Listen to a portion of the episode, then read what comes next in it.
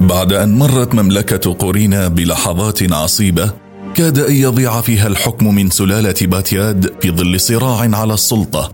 قتل فيه الملك أركسلاوس على يد صديقه السابق الذي حاول أن يصبح ملكا. استطاع ولي العهد باتوس الثالث من استعادة العرش والذي كان يلقب بالأعرج لعيب في رجله.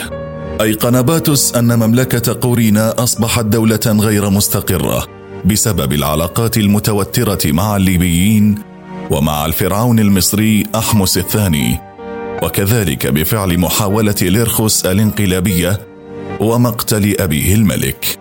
توجه باتوس الثالث إلى ديلفي للحصول على المشورة حول ما يمكن أن يفعله بشأن المملكة ونصح بالذهاب لزيارة رجل القانون الشهير ديموناكس الذي كان يحظى بتقدير السكان هناك ليساعده في إصلاح دستور قورينا عاد باتوس إلى قورينا مع ديموناكس الذي ساعده في إصلاح الدستور وقسم الدستور المستوطنين اليونانيين إلى ثلاث مجموعات.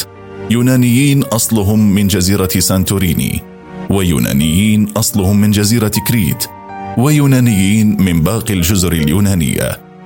وأسس لهم مجلس شيوخ يمثل أعضاؤه المجموعات الثلاث ويرأسه الملك.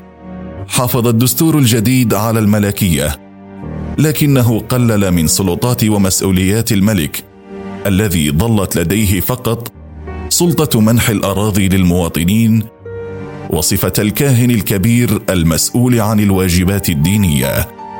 كما وضع ديموناكس قوانين تعاقب المحتالين وأنشأ قوة شرطة مسلحة قوامها 300 جندي تقوم بأعمال الدوريات والحماية. من أجل تقوية المملكة في وجه الليبيين تحالف باتوس مع الفرعون المصري أحمس الثاني. وعلامة عن امتنانه سمح باتوس لأحمس الثاني بالزواج من ابنته لاديس. فأصبحت بذلك عضوا في الأسرة السادسة والعشرين الملكية في مصر. حكم باتوس حتى وفاته عام 530 قبل الميلاد ودفن في مقابر عائلة أبيه. وقد أنجب من زوجته الملكة بريتيما ابنته مالاديس زوجة الفرعون وأركسيلوس الثالث الذي خلفه على العرش. حقق باتوس الاستقرار والسلام لقورينا فهل سيحافظ الملك الجديد على ما انجزه أبيه؟ سنعرف ذلك في الحلقة القادمة.